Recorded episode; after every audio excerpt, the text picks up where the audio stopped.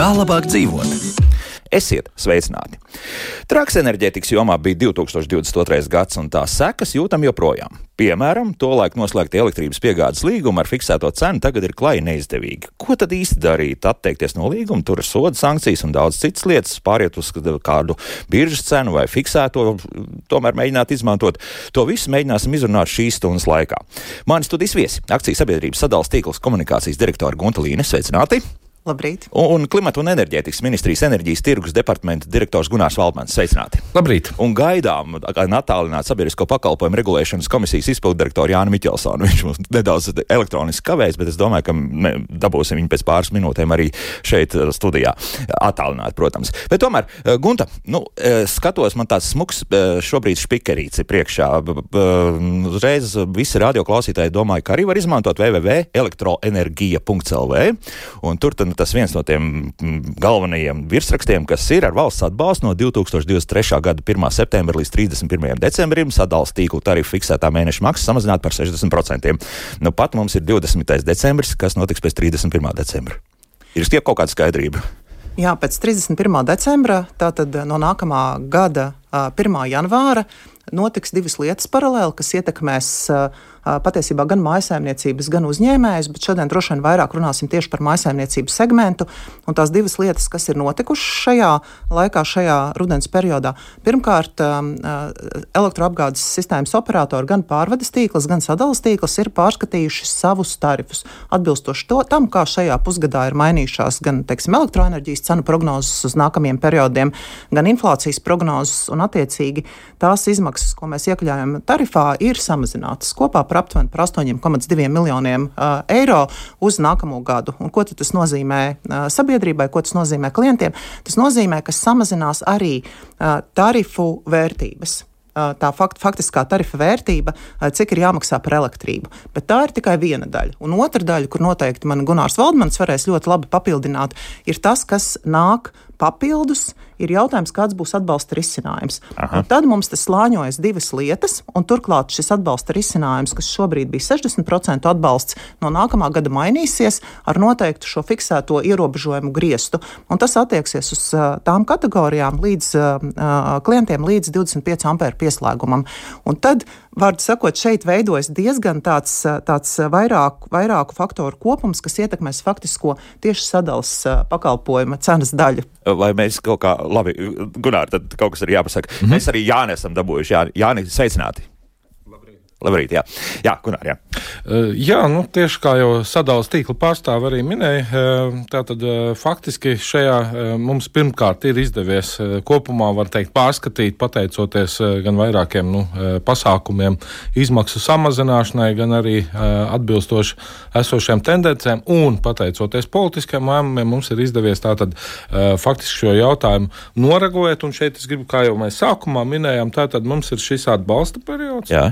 Un eh, pēc šī atbalsta perioda joprojām ir ticis saimā pieņemts politisks lēmums arī nākamajos gados būtībā šo te faktisko tarifu vērtību joprojām uzturēt eh, nu, efektīvo, ja tas, ko redzēs eh, lietotājs rēķinā, uzturēt zemāku. Tam ir piešķirts attiecīgi valsts, valsts finansējums ja, no budžeta vai sektu arī sistēmas operatoru izmaksas kas ir saistītas nu, starpības starp faktiskajiem ieņēmumiem un starp to, kas tiks iekasēts no klienta. Ko tas nozīmē? Praksē, praksē būtiski atšķirsies dažādu klientu situācija, bet realitātē tā fiksētā daļa, kas ir bijis karstāko debašu objekts šajā, šajos mēnešos, pēc būtības saglabāsies ļoti tuvu tai vērtībai, kādu mēs saņemam, pieņemsim, novembra rēķinā. Ja? Tā tad, eh, nu, kā piemēru, tādu tabūņu īso, ka, eh, ka eh, tipiskai mājsaimniecībai, pieņemsim, ar mazāko pieslēgumu slieksni, tipisko, ja, tātad 16 ampēru viena fāze, tās izmaiņas būs nepilns eiro, ja, salīdzinot ar esošo situāciju. Un te es vēl... Eiro klāt?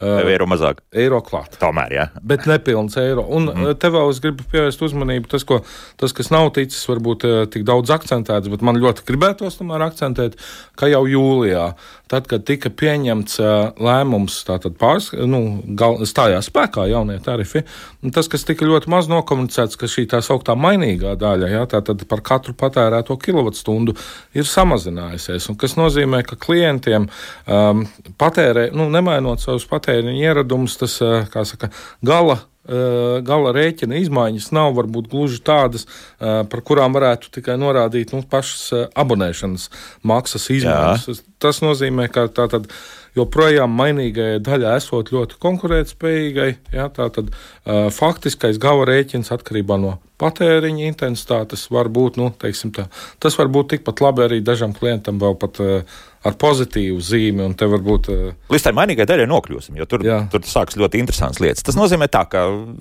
reāli nu, tik tālu ir labi, ka faktiski vidējais patērētājs, kas mums ir visdrīzākais daudz dzīvokļu mājā dzīvojošais, tikpat kā neko nejutīs. Ja? Tā ir.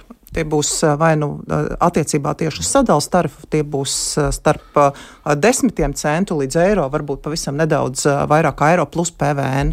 Bet tas ir attiecībā uz pieslēgumiem līdz mm. 25 ampēriem. Gan viena fāze, 16, 20, 25 ampēru pieslēgumu, gan trīs fāzes, 16, 20, 25 ampēru pieslēgumu, uz kuriem šis jaunais atbalsta risinājums attiecās. Mm -hmm. nu, un savukārt tiem, kam tie ampēri drusku vairāk būs, tad tās jau ir privātmājas visdrīzākais. Ja?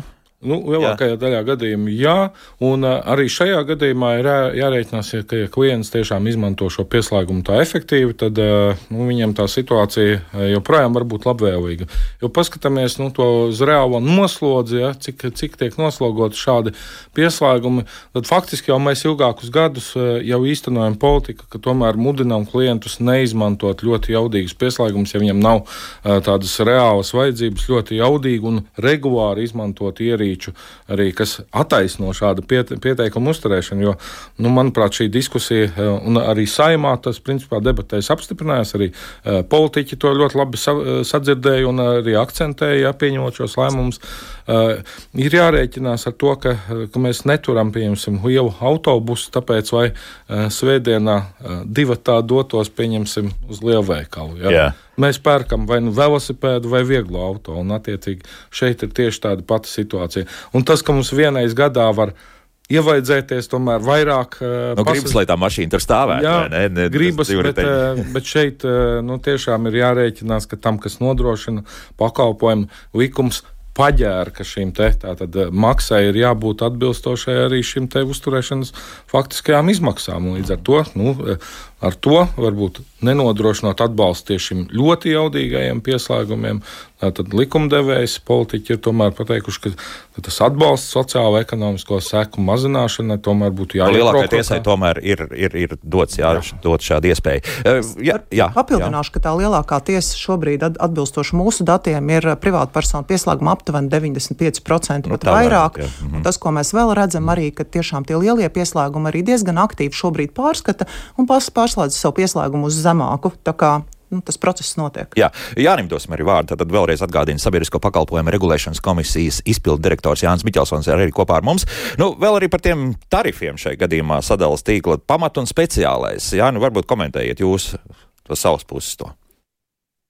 Jā, paldies. Faktiski attiecībā uz pamata tarifu tātad šeit ir šobrīd spēkā eh, šie papildus fiksētās maksas eh, ierobežojumi, ko jau tikko kolēģi stāstīja.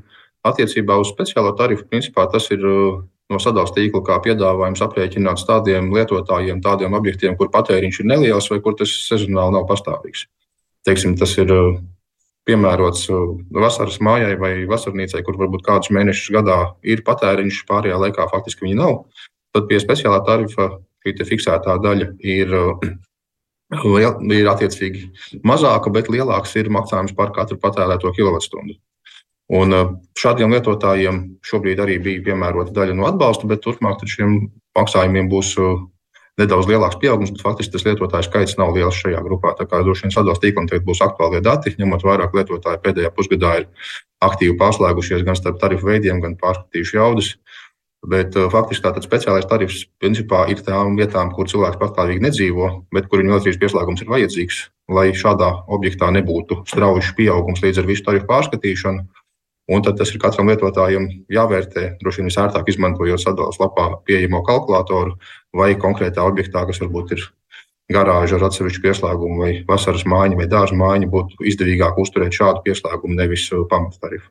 Mm -hmm. Tas pieļaus, ka varētu pakomentēt papildus. Jā, jā Gunt, uh, kā tas uh, tīri fiziski būs jādara? Ieejam mājaslapā, paskatāmies, un tālāk jāslēdz līgums ar ko? Ar jums, vai, vai, vai tomēr tas ir ar elektrības piegādātāju kaut kādā veidā, var uzreiz kārtot to lietu? Ja es pareizi saprotu, jautājums ir, ja es vēlos izvēlēties starp pamatu un speciālo jā, plānu, tad kāda jā. rīcība nepieciešama? Tātad um, uh, vispirms uh, vēl attiecībā uz speciālo tarifu plānu ne, nav, nav, var vērsties pie tirgotāja, bet mm -hmm. mūsu mājaslapā, uh, klientu portālā e-svītriņa st.lv patiesībā ik viens klients var veikt visas tās nepieciešamās darbības, ko viņš vērt, vēlas darīt, gan mainīt pieslēguma jaudu, gan arī izvēlēties sev piemērotāko tarifu plānu. Attiecībā uz pamata vai speciālo tarifu plānu, speciālais tarifu plāns tiešām to izvēlas ļoti mazs. Mūsu klientu skaits tie ir daži procenti, ap 30 tūkstoši objektu mums šādu ir, kas no kopējā teju 800 tūkstošu objektu ir ļoti, nu, ļoti niecīgs skaits. Jau, bet bet jā. tas ir diezgan liels skaits, un tāpēc es tiešām gribu arī vēlreiz uh, vērst uzmanību, ka speciālais tarifu plāns ir domāts izņēmumu gadījumiem. Tas atšķiras no pamata tarifu plāna, ka šī fiksētā, ja ikmēneša maksa ir izteikti mazāka, bet to toties ir dārgāka maksa par kilovatstundu, un līdz ar to mainoties patēriņam, var eh, ļoti ātri veidoties svārstības uh, rēķinā. Tātad, ja cilvēks lemj izvēl, izvēlēties speciālo tarifu plānu, viņam būtu jābūt arī pietiekami apņēmības pilnam, arī pasakot tam savam patēriņam un saprast, jā, šobrīd, teiksim, no septembra līdz, uh, līdz maijam uh, es vasarnīcā jā. nedzīvoju, jā. tad es pieslēdzu speciālo tarifu plānu, no jūnija līdz augustam es dzīvoju vasarnīcā, un tad gan es noteikti paskatos, vai man nebūtu pamats pārslēgt, pāriet uz pamatplānu. Citādi var sanākt, darīt, ja? tā var darīt Aha. reizi mēnesī, ir iespējams mainīt. Turklāt līdz vēl nākamā gada 30. jūnijam šai pārejas periodā var mainīt, klients var pieņemt lēmumu, viņš var, teiksim, 20. vai 25. vai kaut 30. datumā nomainīt mūsu mājaslapā šo tarifu plānu eh, un eh, pielemt, vai tas stājas spēkā no tekošā mēneša vai tikai no nākošā mēneša pirmā datuma. Aha. Tātad, ja es uz mēneša beigām redzu, ka man vairs šis speciālais tarifu plāns tomēr izrādās nav piemērots, es pat varu saulēcīgi arī pagūt viņu tajā konkrētajā mēnesī pamainīt. Tas nozīmē, ka kaut kādā aprīlī visdrīzākais tas varētu būt kļūt aktuāls. Vasarnīcām jā, tas varētu kļūt dārgi, aktuāls dārgi, vairāk, uh, aprīlī visticamāk, jā, ja ir māja, teiksim, uz pārdošanu, tad kamēr tur neviens nedzīvo pilnīgi noteikti, tad ir vērts šo speciālo tarifu plānu izvēlēt, izvēlēties. Un tā ir tāda izvēles iespēja tiešām klientiem, objektiem, kuriem pieslēgums vajadzīgs, bet patēriņš faktiski nav nepieciešams vai ir tuvu nulē. Kas vēl ir svarīgi? Uh, un tiešām tas speciālais plāns uh, uh, gribu akcentēt, ka to ietekmē arī tas, kā mainās gan mūsu tarifu vērtības, gan valsts atbalsta risinājumi. Un līdz ar to tas brīdis, kad speciālais tarifu plāns vairs nav izdevīgs un pamatu plāns kļūst izdevīgs, tas kilovatstundu skaits var pamainīties. Ko tad darīt un kā tam izsakot? Jebkas, jeb, man liekas, ka labākais iespējamais veids, kā paskatīties, kas ir piemērotāks šobrīd, ar 60% valsts atbalsta risinājumu, kas būs piemērots no nākamā gada ar šo jauno atbalsta eh, mehānismu. Aicinām cilvēkus noteikti izmantot mūsu tarifu kalkulatoru Nu, Google meklētāji ierakstīt, ienākt mūsu mājaslapā, tur šis tarifu kalkulators ir. Mēs ievedam savus pieslēguma parametrus, cik fāzes, cik ampēri. Cik ievedam noteikti, jā, ievedam to vidējo gadā, vai plān, ne, pār, plānoto patēriņu vai vidējo patēriņu mēnesī, ko mēs arī varam, jebkurā savā rēķinā vai mūsu portālā klients var paskatīties. Dati, Vēsturiskos datus, jā. jā, saprast, kādi šie dati ir un apskatīties, kāds tad būs maksājums. Ja gribas paskatīties tikai sadales pakalpojumu daļu, tad cits starpā var nenorādīt to pirktās elektroenerģijas kilovatstundas vērtību, tikai norādīt to patērēto stundu skaitu. Un tad uh, tur mums ir divas daļas šobrīd, lai klients var orientēties vēl ar 60% atbalstu, un uh, no nākamā gada attiecīgi, kas pamainīsies un cik būs jāmaksā no nākamā gada. Un tur mēs arī, tad, kad klients savada datus, tur ir iezīmēts, kurš plāns principā ar šādu patēriņu būs izdevīgāks, pamata vai speciālais. Tā kā principā visa informācija tur ir. Nav īpaši vienkārši, to es apzinos. Un droši vien, ka tas ir tā, ir arī jebkura preci. Piemēram, ja mēs pienam, ja mums ir vienalga, cik tas piens maksā, mēs aiziesim uz veikalu, paņemsim no plaukta pirmo. Nav jau viena alga, jā. jā, bet ja mums nav viena alga, mm -hmm. tad ir jāpaskatās, vai tur ir litrs uz to cenu, vai tur ir pusotrs litrs, vai tur varbūt tikai 750 ml. Tā kā drusku ir, drusku, ir, jā, drusku ir jāpapēta, bet ja drusku papētīs, tad, tad, tad norientēties izdosies. Un, un tāpēc mēs tiešām aicinam tarifu kalkulātoru izmantot kā pamatu risinājumu, ja ir interesi, ko darīt. Un, te, teiksim, reizi, tas sanāk divas reizes gadā, mainīt šo tarifu faktiski arī nav nekāda problēma īpaši. Arī jā. 12 reizes gadā, katru jā. mēnesi. Nu, ja ir vēlme. Ja ir vēlme. Ir, iespējas, un vajadzība. vajadzība, vajadzība drīzāk jāsaka tā. Jā, jā nu varbūt kaut ko vēl tur arī no, komentēt par šo. Domāju, attiecībā uz speciālā tarifu nē, tur tiešām šobrīd ir būtiski katram lietotājam apstīties un saprast, kopš jūlija lielākā daļa to jau ir izdarījuši un izvēlējušies speciālā tarifa variantu tajos objektos, kur tas ir vajadzīgi. Varbūt kādos gadījumos tiešām, ja tas ir piemēram dzīvoklis, kurš kādus mēnešus stāv tukšs, arī tajā periodā ir uh, papildus iegūms, ja uz šiem dažiem mēnešiem pārslēdz uz konkrēto speciālo tarifu, pēc tam, kad atkal sāk izmantot elektrību pastāvīgi, tad jāatcerās pārslēgt atpakaļ. Mm -hmm. Bet teikt tā, ka ja tu tur arī uz to mm, basanīcu brauc, nu, vasarā nu, 8, 9 reizes, tad kaut ko mainīt, var, var atstāt arī šo pašu faktiski speciālo tarifu. Var papildināt, tas vienkāršākais ir apstīties vēsturiski, cik ir bijis patēriņš. Un pēc tā arī ierakstīt uh, konkrētajā kalkulatorā, ja patēriņš mēnesi sanāk vienalga kādas 40, 50 kWh, tad jau ir tuvu tai robežai. Ja arī vasarā tur uz elektrību ir jāplēš kāds sildītājs, ar elektrisko plītiņu jādarbojas, visdrīzāk patēriņš būs gana liels un pamattarifs būs izdevīgs. Tad mainām tomēr, jā. Ja, ja es Ar, jā, jā. Piezīmēšu tieši līdz ar šiem atbalsta risinājumiem. Patiesībā lielākajā daļā gadījumu, tur, kur atbalsta risinājums ir spēkā, es teiktu, ka uz speciālo tarifu ir vērts skatīties primāri tajos gadījumos, kad vienkārši objekts, objektā netiek lietot elektrība. Mm. Jo, piemēram, uz vienas fāzes pieslēgumiem tās tiešām būs dažas kilovatstundas. Tur, kur šie, tas valsts atbalsta risinājums nav, piemēram, trīs fāzes, 32 ampēri, tur jau ir runa apmēram par 120, 130 kWh mēnesī, kas varētu būt tas patēriņš, līdz kuram kuram vēl šis speciālais tarifu plāns ir piemērots. Nu, vienmēr sakot, tā, ja es aizbraucu tagad uz savu mazdārziņu, kur ir elektrības pieslēgums, un pieņemsim, tur ir ieeja savā mājā iekšā un ieslēdz elektrību, nekas īpaši nemainīsies. Tur, tad, tur tas patēriņš būs niecīgs, ja, un mēs varam joprojām palikt pie šī speciālā tarifa. Ja. Es teiktu tā, ja objekts tiek izmantots, tad es primāri raudzītos uz pamatu tarifu plānu. Jā. Ja objekts netiek izmantots, tad es primāri raudzītos uz šo speciālo. Mm. Es domāju, tā, ka es tur pieņemsim eguļu zarus, aplikšu apkārt krūmiem vai, vai kam tam līdzīgi, un tad iešu kaut ko ieslēgšu. Tas, tas joprojām attiec uz speciālo. Jā, vairāk. Visticamāk, ka tā, bet jā. kalkulators palīdzēs un vēsturiskie dati Saprast, palīdzēs jā. to novērtēt. Un arī, jā. jā, un tas, kas ir vēl ļoti būtiski, varbūt arī mēs runājam eh, par kopējo tarifu, aizmirstam, ka ir daļa lietotāju kategoriju, kur principā jau arī eh, patiesībā šis te eh, no fiziskajām personām, kuras arī nemaz nav skāris šis sadārdzinājums ļoti vienkārši iemeslu dēļ, tāpēc, ka viņi atbilst aizsargātā lietotāja statusam, kas ir patiesībā pietiekami būtiska daļa eh, no Latvijas eh, elektroenerģijas lietotājiem maisaimniecībām. Aptuveni nepilni 100 tūkstoši jā, lietotāji, kas ir nu, no 900 tūkstošu uz saprat, saprotam pietiekami būtisks skaits.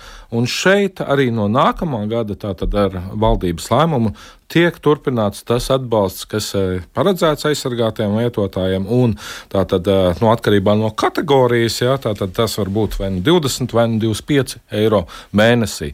Un pagājušā gada laikā es gribu uzsvērt, atgādināt, vienkārši vai tiešām cilvēki varbūt um, pakļaujoties nu, tām publiskajām debatēm, teiksim, tā nu, nejustos emocionāli, ka, ka viņiem ir sadārdzinājies, vai gan faktiski tā nav. Tad pagājušā gada laikā šis atbalsts tika aizsargātiem lietotājiem palielināts divkārši. Tātad faktiski šie lietotāji, ja, ja viņiem ir izdevīgs līgums ar tirgotāju, ja piemēram, biržai piesaistīts, ir iespējama arī situācija, ka šis cilvēks maksā pat mazāk šobrīd nekā maksāja līdz pēc vecā tarifa. Tāda situācija ir ļoti ticama, jo nu, vienfāzes lietotājiem mums tā tad ir pieaudzis aptuveni tā tad jau sanāk par kādiem sešiem eiro, ja šis te attiecībā pret vēsturisko situāciju, un šis atbalsts faktiski to pilnībā nosacīja. Atstāja pārpalikumu. Un, t, reku, situācijas tomēr ir dažādas. Ja, un, un lūk, ko mums raksta Uldis Maiņa, 65 kvadrātmetri, apdzīvo divu cilvēku pensijas vecumā, taupīgi, bet mēneša elektrības patēriņš 80 līdz 100 kW. Un kāpēc tik liels faktiski sanāk? Ja, jo ir boilers Un, redz, un te ir trakākais ir tas, ka šim ūdens boilerim, kas tiek sildīts ar, ar elektrību, ir 32 ampēru pieslēgums. Līdz ar to visi, visi pa dārgo. Vai te ir kāds risinājums? Uh, nu es pilnīgi noteikti nespēju iedomāties, kāpēc teiksim, boilerim uh, būtu nepieciešams tik. Tas ir ļoti varbūt, specifiskas konstrukcijas.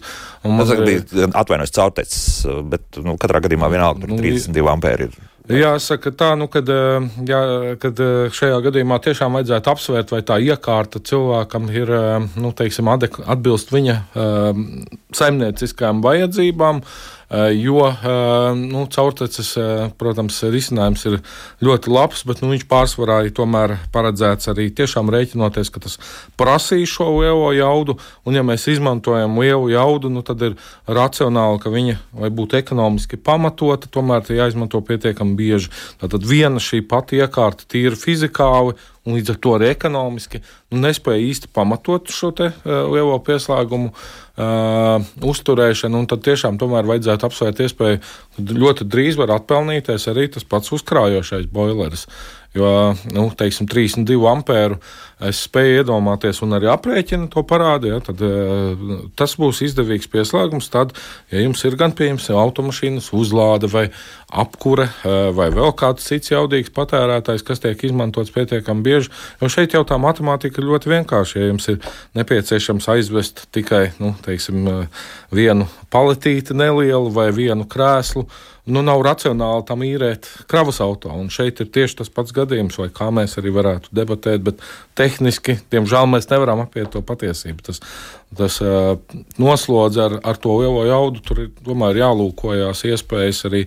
Nu, tad izmantot cita veida ūdens uzsildīšanas ierīci. Jo nu, es, pārējā sabiedrība varbūt nu, arī ir tiesīga teiksim, politikā paredzēt to, ka um, ka tomēr racionālāk resursus izmantojošajiem lietotājiem ir zināmas priekšrocības, un tas, kas varbūt nu, mazāk apbildīgi saimnieko. Nu, cilvēki gados varbūt negrib neko mainīt īpaši. Nu, viņiem bija ērti, kā ir līdz šim bijis, bet nu, tagad es varu iedomāties, tās summas ir diezgan lielas. Bet, nu, šeit jā, tas jau ir politiskas izšķiršanās jautājums, vai kādus, eh, kādus lietotāju ieradumus, teiksim, pārējā sabiedrība ir gatava atbalstīt ar saviem līdzekļiem. Mm -hmm. Šeit varbūt arī uh, vēl no savas puses var nokomentēt, nekļūst skaidrs, vai tas ir viens fāzes 32 ampēru pieslēgums vai trīs fāzes 32 ampēru pieslēgums. Jā, es domāju, bet, ka viss trīs ir visdrīzāk. Jā, bet uh, faktiski pie šāda 80 līdz 100 kWh patēriņa tepat jau būtu tas gadījums, ka tas speciālais tarifu plāns varētu būt piemērotāks, bet uh, jebkurā gadījumā jā, piekrītu arī Gunāram, ka, uh, ka nu, tā jauda ir nepieciešama, ja ir nepieciešama nepieciešams lielas jaudas pieslēgums,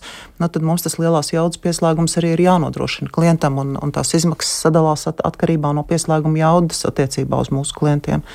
Bet nu, tur ekonomija nekāda nekur ne, nesanāks. Jā, ar speciālo tarifu plānu pie trīs fāzēm, 32 ampēriem, bet nu, tad jāskatās konkrētāk, kas tur ir par, par pieslēgumu. Mm -hmm. Un arī šeit, attiecībā uz precizētajām vērtībām, tas samazinājums salīdzinot ar 1. jūlija maksu būs, bet attiecībā uz to samazinājumu, kas šobrīd ir spēkā, tur, protams, būs pieaugums. Un tieši tāpēc, ja ir iespējams samazināt no 32 ampēriem uz 25, tad tas būtu, mm. nu, tā būtu primārā rekomendācija, ko mēģināt izvērtēt.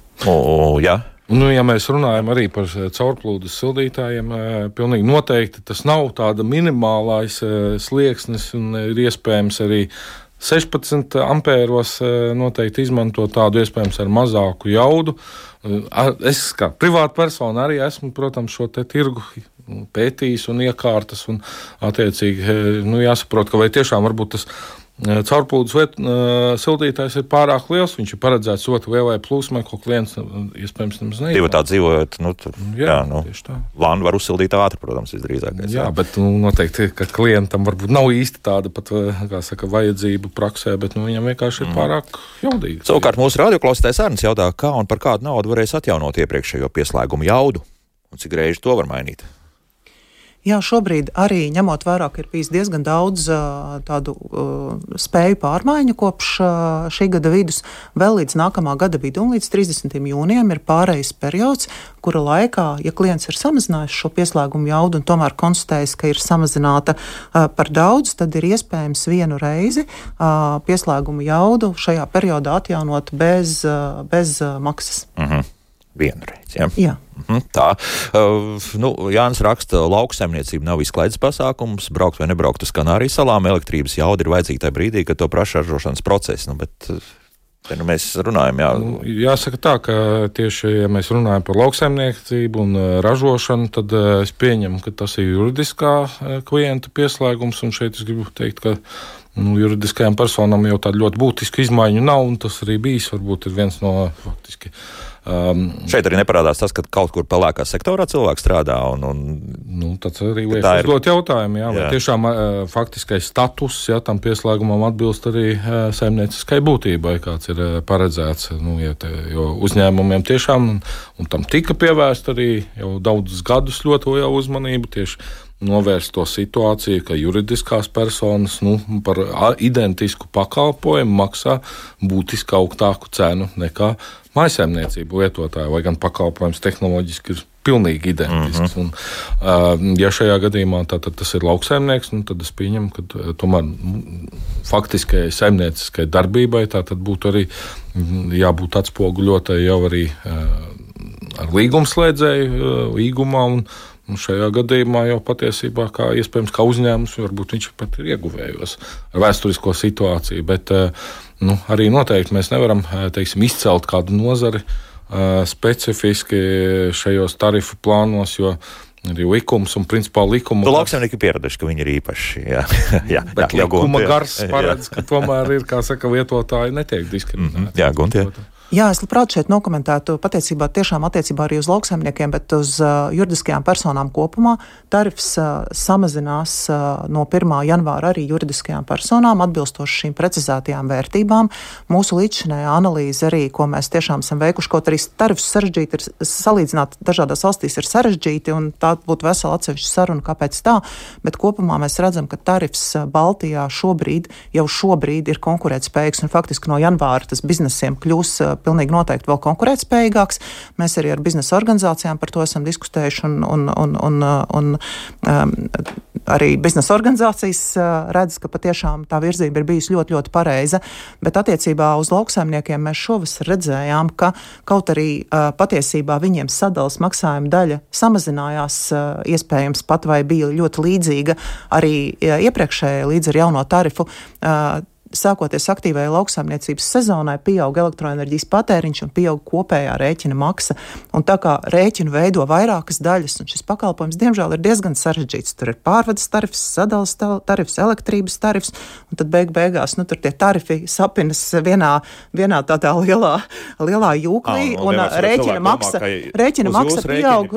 Jā bet... jā, bet ir jāpaskatās, kas, kas veido to kopējo pieaugumu. Bet kopumā juridiskajām personām tās izmaiņas ir bijušas uh, es teiktu, ka drīzāk konkurētspējas ziņā Baltijā uz, uz labo pusi. To, jā. jo, jo jautājums mājaslapā ir šāds. Gvido raksta, kaimiņi Igauni brīnās, kāpēc Latvijā ir viena no dārgākajām elektrībām, ņemot vērā, ka mums ir hidroelektrostacijas, kuras ražo lētāko elektrību. Un te nu mēs sākam lēnā garā pāriet uz to mainīgo daļu, jo proti, nu, nav jau nekas vienkāršāks, kā paskatīties, kas mums Nordpūlī, respektīvi, biržā notiek. Ja? Un, un te nu gan ir absolūta paritāte. Igaunijā maksā elektrību tieši tikpat daudz, cik, cik Latvijā. Hmm. Jā, nu tas ir. Te mēs tiešām jau izējām no tās eh, varbūt eh, tarifu un regulētās eh, teritorijas, bet tiešām nu, jāsaprot, ka Baltija ļoti lielā mērā geogrāfiski ir homogēns, varētu teikt, nu, apgabals gandrīz vai teju. Un, uh, drīzāk varētu teikt, ka uh, Igaunija ir uh, zināms ieguvumi noteiktās sezonās no tā, ka Latvijā uh, ir šīs hidroelektrostacijas un citi ražotāji kaimiņu valstīs, kuri spēj piegādāt tirgumu arī attiecīgi. Un, uh, varētu teikt, drīzāk, ka uh, Latvijas hidroelektrostacijas palīdz stabilizēt arī Igaunijas lietotāju cenas. Tieši tāpat kā vēsturiski, savukārt Igaunijas ražotāju ražotās cenas atkal nodrošināja sausās, periodos. Jā, tieši tā nodrošināja savukārt ļoti zemu cenu mums. Līdz ar to nu, nevarētu teikt, ka tas ir netaisnīgi, un tas var dažu mēnešu laikā šī dinamika, tātad ietekme savstarpējā no tirgiem var mainīties gan par labu gan vienam, gan otram lietotājiem. Kaut gan viņiem tur arī, es ik pa brīdiem sekoju līdzi, kas Igaunijā notiek, viņiem faktiski ir daudzas lietas, kas ir pie mums jau sen vai nu par laimi vai par nelaimi ir bijušas ieviestas, un tagad viņi jau par to domā. Viņiem, starp citu, varētu tie tarifi augt. Nu, tā es saprotu. Taisnība man ir to, to ko es lasu vienkārši viņiem presē. Ir tā, ka diskusijas diezgan pamatīgas notiek. Jā, ir tā, ka šobrīd jau no 1. janvāra aug arī privātpersonu tarifi Lietuvā, diezgan būtiski aug. Faktiski mēs jau redzam, ka mēs esam diezgan uz pārtāds principiem, vēlreiz atkāpjoties pie tā, ka salīdzinājumi ir ļoti sarežģīti atkarībā no konkrēta pieslēguma, no konkrēta patēriņa. Tur var būt atšķirības. Igauniem ir drusku cits ritms līdz šim bijis. Viņi patiesībā pagājušajā gadā vēl, man liekas, trīs reizes tarifus cēla pa tādiem mazākiem procentiem, bet turpināja to darīt.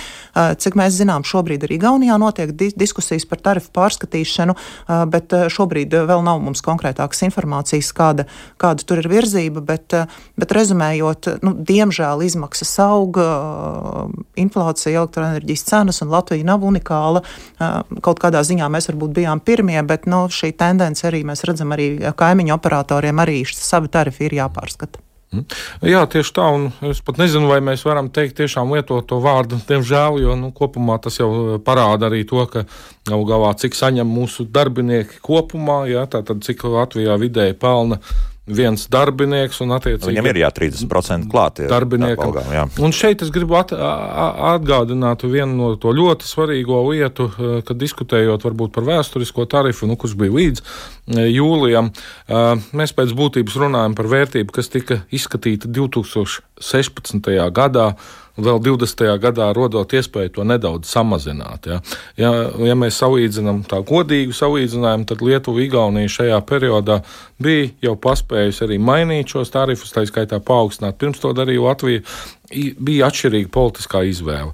Igaunija sāka pakāpeniski, lēnāk, bet agrāk to darīt. Latvijas uh, uh, operatori tātad iesniedza krietni vēlāk, uh, cenšoties, nu, kā jau saka, zināmu laiku amortizēt ilgāk krietni šo te varbūt sociālo-ekonomiskās seku mazināšanu. Un Oiks viņiem bija citādāk būvēts. Tur, jā. Arī tas, jā, jā protams. Nu, Oiku es gribu atgādināt, ka mēs Latvijā rēķinos vairs nekādā neredzam. veidā neredzam. Tas ir, tas ir arī viena būtiskā lieta, ko vajadzētu atcerēties, salīdzinot kādu dzīves dārdzību. Jo nu, faktiski jau zināmā mērā tas ir nokompensējis arī ar to, ka mums vairs nav rēķinā šīs mhm. Nu, labi, Jānis uzmanīgi visu klausījies, varbūt arī kādu vārdu par šo var teikt. Jā, attiecībā uz Igauniju faktiski šobrīd tiešām elektrības cena Latvijā un Igaunijā lielāko daļu stundu ir vienādas. Vasarā bija kāds periods, kad elektrības pārvades līnijām bija remonti. Un tad, attiecīgi, radās situācija, ka tā pārvades jauda starp vienu valsti un otru valsti ir mazāka. Un, un tad tajos stundās, kad ir liels patēriņš, sanāk, ka cenas var būt atšķirīgas, jo nav pietiekami jauda, lai varētu izlīdzināties tie apjomi. Bet kopumā sakot, šobrīd gan Latvija, gan Lietuva, gan Igaunija ir diezgan labi savienotas savā starpā. Līdz ar to tas cik ir kopējais elektrības ražotāju piedāvājums, cik ir patēriņš, arī nosaka to, kādā līmenī tās cenas nostājās. Igauniem vēl iegūms ir tas, ka viņiem ir ļoti jaudīgs kabelis savienojums ar Somiju. Līdz ar to tajos brīžos, kad Somijā ir lētāka elektrība, Igauniem ir laba iespēja iegūt no turienes vēl papildus apjomus. Tā kā birža tajā ziņā to līdzsvaru atrod ļoti efektīvā veidā, un gan ražotājiem, gan lietotājiem tad ir biržā noteiktā cena, kas atbilst tam tirgus līdzsvaram. Tā kā mums Jās Baltijas valstīs situācija ar elektrības cenām biržās ir ļoti līdzīga. Mm -hmm. nu, es skatos, jau vakar no 9 līdz 10 rītā precīzi tāda pati cena - 86 eiro 85 centi gan Igaunijā, gan Latvijā par megawatu stundu. Jā, nu, kilovatiem tad tas būs 8 centi. Mm -hmm. 8, 8 centi ar, ar astīti. Ja? Nu, bet tagad pie tās mainīgās daļas. Un, un tomēr ir, ir tiešām šie neizdevīgie līgumi, kas tika slēgti 2022. gadā. Es citu arī esmu tas, kuram šāds līgums ir, es esmu pārmaksājis. Reāli šobrīd pārmaksājis, maksāju 20 centus par kilovatstundu.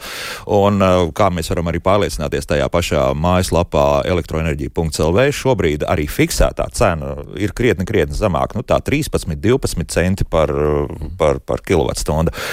Ko darīt? Nu, man ir jāmaksā it kā arī vēl nu, tad soda nauda. Soda nauda ir pietiekami pieklājīga. Kā tad rīkoties? Nu, protams, var sēdēt un kalkulātoru ilgi rēķināt, kas būtu izdevīgāk, bet nu, mēs laikam gaidīsim līdz aprīlim, un tad tomēr liksim nost un mēģināsim pārslēgt kaut ko citu. Gunār, kāda šobrīd tāda nu, mans tā? risinājums būtu tiešām izvērtēt ļoti rūpīgi visus līguma nosacījumus un skatīties, vai, vai nav izdevīgāk laust šo līgumu, iespējams nomaksāt kādu atkāpšanās maksu. Jo tas, kas ir jāsaprot, nu, palīdzot un pamudināt vienu pusi no līgumam, ir jā, vai, vai tas būtu ilgspējīgs, ja? gan sociāli, ekonomiski, gan arī nu, saimnieciski, tam ir tomēr jābūt nu, taisnīgam pret abām pusēm. Um, un, zināmā mērā nu, arī uzņemoties varbūt šo 20 cenu, tā tad nu, faktiski jau tā zināma ekonomiskā vērtība joprojām tai saglabājās.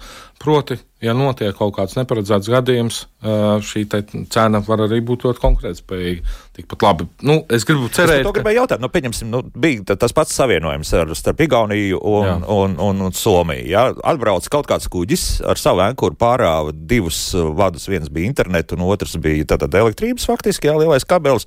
Nu, it kā jau ļoti nenosvārstījās šī cena, bet, bet tāpat nu, tas nozīmē kaut kāda arī ģeopolitiski satricinājuma var pēkšņi notikt. Nu, tieši tā, un ir ļoti svarīgi atcerēties arī to, ka ikdienas cenas ļoti ietekmē dabas apstākļi. Tas jā. ir noteicoši izšķirošais apsvērums.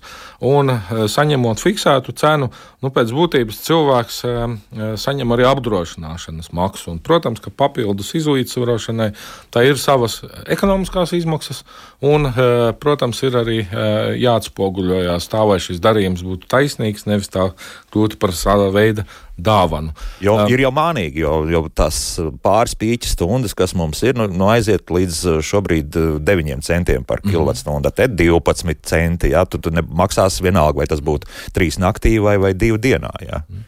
Bet noteikti šie te ilgtermiņa līgumi, nu, klientiem būtu jācenšas tiešām būt ļoti aktīviem, un nu, tieši tāds arī ir arī galu galā mēķis, tirgus atvēršanai kā tādai. Jo nu, šis pakalpojumu klāsts un lietošanas īpatnības, kuras mēs minējām jau iepriekš, var ļoti būtiski atšķirties. Un, uh, tiešām ir ļoti rūpīgi jāizvērtē gan uh, papildus nosacījumi, uh, gan arī šī pati laušanas maksa, gan termiņš un tam līdzīgi. Un jāsaprot, ka iespējams, ka uh, līgumam, kas ir noslēgts, nu, varbūt ne gluži par 20, bet ir uz 3 gadiem par kādu citu klientam pieņemumu sam, būtu iespējams tomēr novērtēt, ka, tā, ka lietotāja budžetā uz 3 gadiem ir garantēts, ka viņa elektrība nemaksās dārgākā noteikta summa, arī tam ir noteikta ekonomiska vērtība. No, es tā gluži tā prātā gan rēķināju, nevis ar kalkulātoru, ka visiem tiem, kam varbūt ir pāris desmit kilovatstundu patēriņš mēnesī, tad tur gan ir izdevīgi tiešām šo fiksēto maksu faktiski nofiksēt, un, jo, jo tur tā starpība būs tik niecīga, ka nu, nebūs jēga tur īpaši stresot un domāt, kad, kurā brīdī tu slēgsi veļas mašīnu iekšā. Jā, jā tieši jā. tā, un, protams, katra, katram ir jārēķinās, ka nu, nu, ka šobrīd mēs nevaram runāt par tādu vidusmēru lietotāju, jo to lietotāju profils un viņu arī faktiskais rēķins un izmaksas par elektroenerģiju var ārkārtīgi ļoti atšķirties. Nav tāda homogēna lietotāja, un es nu, atsaucoties pats uz sevi. Uh, Eh, varu minēt, jā, ka piemēram jūnijā, jūlijā man izdevās sasniegt vidēji vienu kilovatstundas cenu, ja nemaldos, ap 14 centiem, kas ir nu, līdzvērtīgi tādai cenai, kāda es maksāju, ļoti tuvu tam, kā es maksāju piemēram ap 2013. Eh, gadu. Nu, tas ir tas izvēloties biržas cenu. Jā, biržas cenu un noslogojot šo te, eh, pieslēguma vietu, bet ir jāsaprot, ka tas, ka attiecīgi esošais tirgus, nu, gan struktūra, gan tarifu modelis, tad atstāja iespēju šim te klientam tomēr, nu, kā saka, ar viedu pārvaldību arī daudz ļoti lielā mērā ietekmēt savu rēķinu. Jā, jā, nevarbūt arī kādu komentāru. Jā, labprāt papildināšu arī par šo tēmu. Faktiski tas, ko mēs redzam no tirgotāju atskaitēm, mums tagad jaunākie dati ir par šī gada trešo ceturksni. Mums aizvien ir 13% maisaimniecību, kuras izmanto universālā pakalpojuma līgumu tad attiecīgi nozīmē, ka viņš visdrīzāk nav nereizi pārslēgušas līgumu kopš tirgus atvēršanas 2015. gadā. Varbūt tas ir kāds objekts ar mazu patēriņu, un tur arī šis universālais piedāvājums ir labākais. Bet, ja tas ir reāli dzīvoklis vai māja, kurā ir pastāvīgi kāds dzīvo un patēriņš ir, tad uh, šajā gadījumā ir iespēja bez jebkādām soda sankcijām pāriet arī uz citu līgumu, vienalga vai fiksētu vai mainīgu, kas katram labāk der. Tad mēs redzam, ka mums ir apmēram 15% lietotāju, kuriem ir biržas līgums, tad attiecīgi viņi izmanto to priekšrocību ko dod šī mainīgā cena katrai stundai. Un šeit ir ļoti svarīgi arī saprast, kā tas iet kopā ar katra lietotāja patēriņa paradumiem. Ja teiksim, tur ir objekts, kur cilvēks pa dienu nav mājās, atnāk vakarā, viņam uz dažām stundām vajag ieslēgt kādu iekārtu, varbūt mūsu iepriekš minēto caurplūdes sildītāju, kas ir ļoti jaudīgs. Visdrīzāk tajās vakarā stundās tā cena būs salīdzinoši augstāka. Šādam objektam iespējams uh, biržas tarifs nebūs pats piemērotākais. Savukārt, ja tur ir lietotājs, kuram ir iespēja daļu savu patēriņu, piemēram, veļas mašīnu, trauku mazgājumu mašīnu, ieprogrammēt darboties tajās stundās, kad ir lētā elektrība, ziemā parasti tas ir naktas stundās. Vasarā mēs redzam, parasti tas ir uh, dienas vidū, brīvdienās, kad ir daudz saules un ir mazāk patēriņš.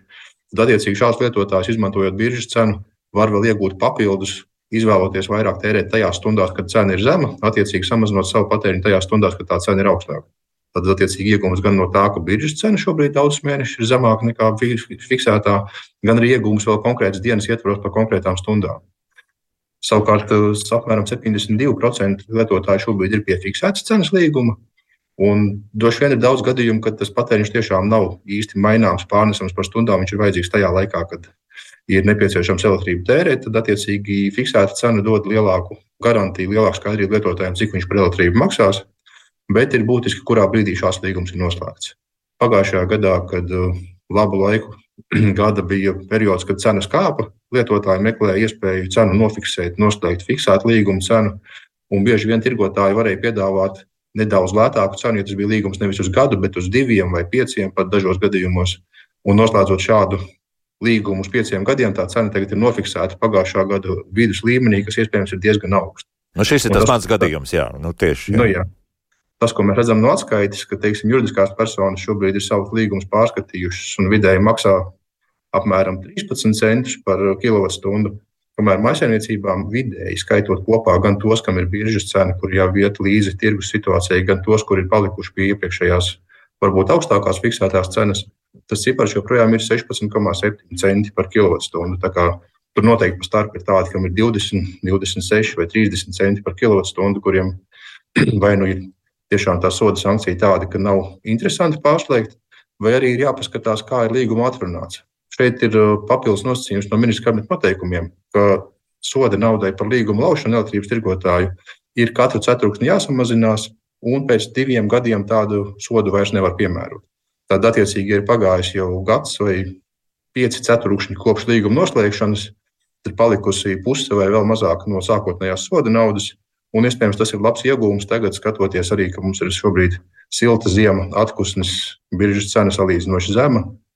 Vai varam sagaidīt pavasarī arī būs lielāka ūdens pieplūde un lētāka cena biržā tad apskatīties, varbūt tas apjoms ir tāds pie katra mēneša patēriņa, kur tas samaksātā soda nauda divu, trīs mēnešu laikā atmaksāsies, un katrs nākošais mēnesis būs iegūms. Nu jā, tas tieši precīzi tas mans gadījums, jā, jo mēs arī gaidām to aprīli, kad tā soda naudas apjoms būs samazinājies līdz tam līmenim, ka nu, jau varētu jau pārskatīt jau šo līgumu un faktiski laust un jau slēgt kaut ko citu.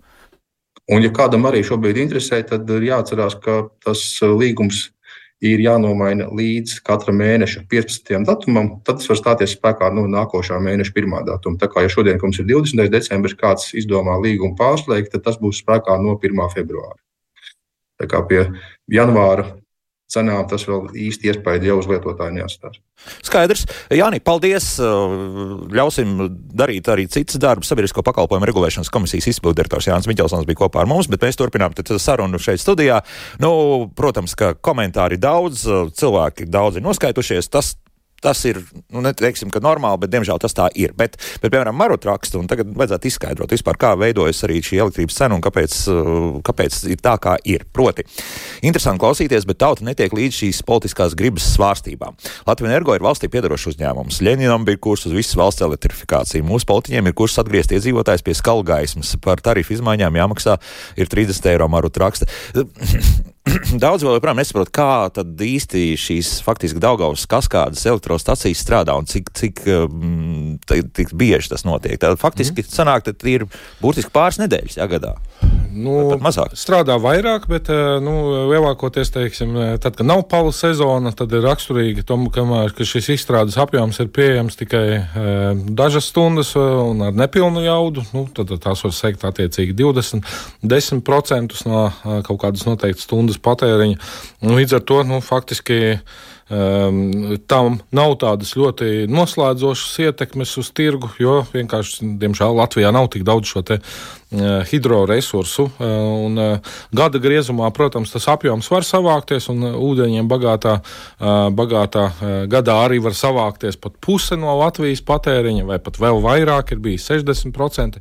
Bet tā ir izņēmuma situācija. Un, un šeit arī būtiski varbūt ir tas galvenais pamatojums, kāpēc arī cenas pietiekami būtiski svārstās, tāpēc, ka ir mainīgi dabas apstākļi un mums ir nepieciešama elektroenerģija arī tajos apstākļos, kad, kad ūdens un vējš varbūt nav pietiekams. Un tieši tāpēc arī varbūt ir tas eh, lielais iedzīvotājs sašutums, ko viņi negrib saprast, ka Latvija un arī viss reģions ir atkarīgs no savstarpējās uh, tirzniecības. Un, ja attiecīgi kāds no ražošanas aktīviem tiek no tirgus izņemts, proti, tad hidroelektrostacijas nevar strādāt pēc tirgus principiem, tad faktiski tas jau izjauc šo tirgu. Tad sanāk tā, ka kaimiņi mums pajautātu Jūs vēlaties, kā saka, ar savu resursu negribat dalīties, bet gribat no jums par lēto. Uz kā pamata? Nu, tad uh, faktiski jābūt, lai spētu funkcionēt tirgus, ir jābūt vienīgiem, uh, vienādiem spēles nosacījumiem. Vienkārši runājot, mēs nevaram ar, ar Daugaus kaskādi nodrošināt 100% visas gada garumā sev elektrību. Jā, ar to arī jārēķinās. Mums cik 30%, ja nevaldos, un tāda vidēji bija kaut kas. Jā. Nu, 2,7 teravatsundas, kas jau varētu būt, jā. Tā, kaut kur apmēram tā, jā. Nu, redz, te atkal jautājums Artūrs jautā.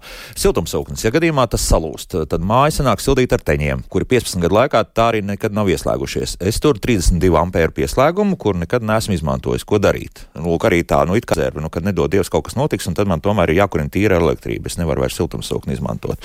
Un, nu, negribu cilvēks palikt pavisam jaņos tādā ziņā. Vai viņam atstāt šo lielo pieslēgumu vai nē?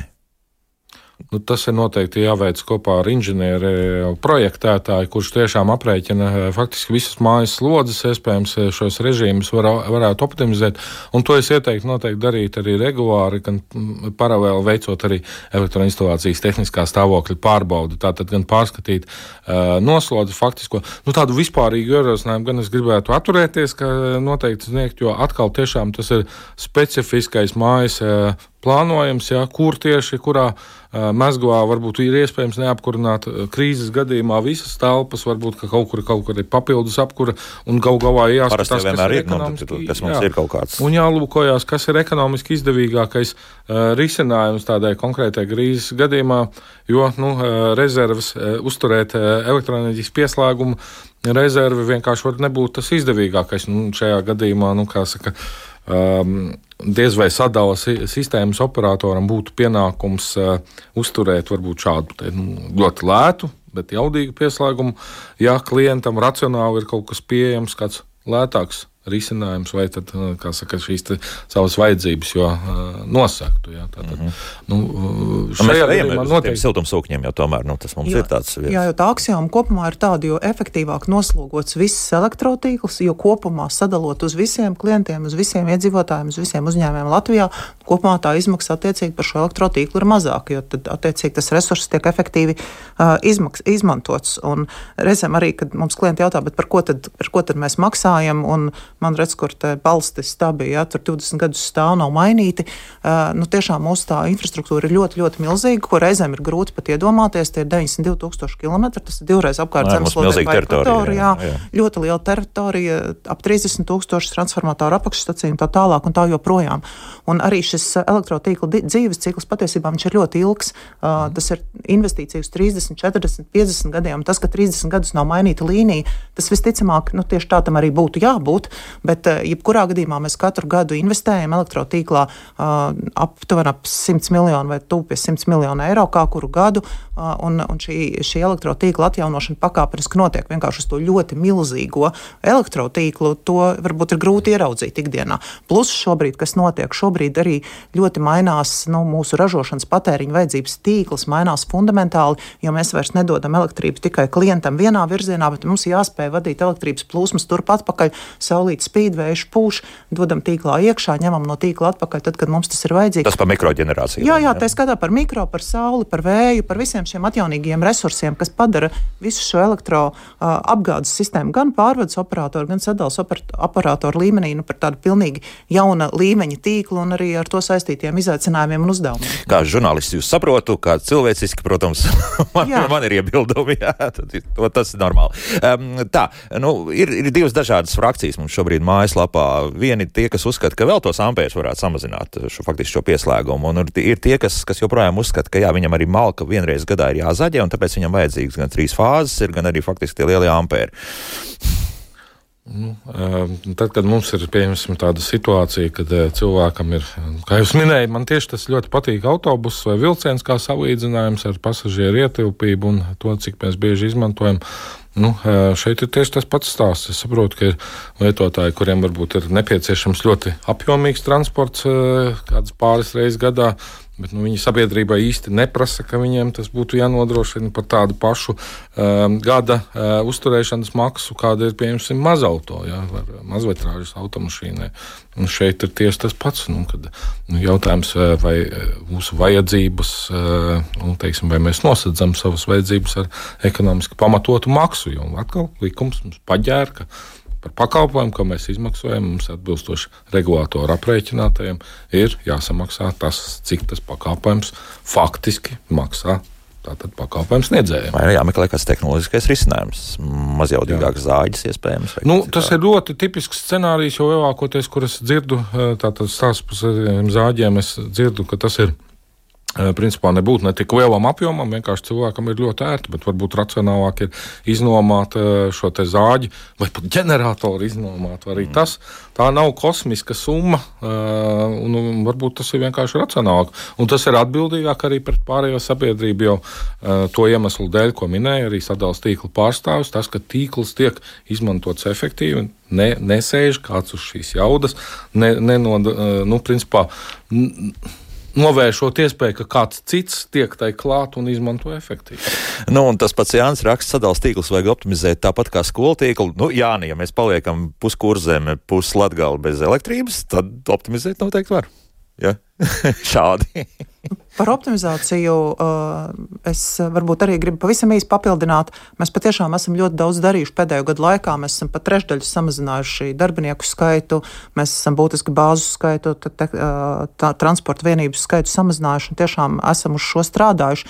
Un kopumā, kaut arī mums ir uh, tīkls garāks pret klientu skaitu nekā Lietuvā, un mums arī ir zemāks patēriņš, es teiktu, ka mēs, nu, nu, mēs, mēs esam spējuši tās izmaksas diezgan nodzīt uz leju, jā, mūsu ieskatā. Jā, viss pēdējās sekundes mums palikušas, tāpēc saku paldies akcijas sabiedrības sadalas tīklas komunikācijas direktorai Guntai Līnai un klimatu un enerģētikas ministrijas enerģijas tirgus departamenta direktoram Gunāram Valdmanim par sarunu. Turpināsim noteikti arī kaut kad citreiz. Rīt Kristiāna par Ziemassvētku dāvaniņu pašgatavošanu un latviešu valodas stundu piekdienu. Jaukdien visiem! Tā!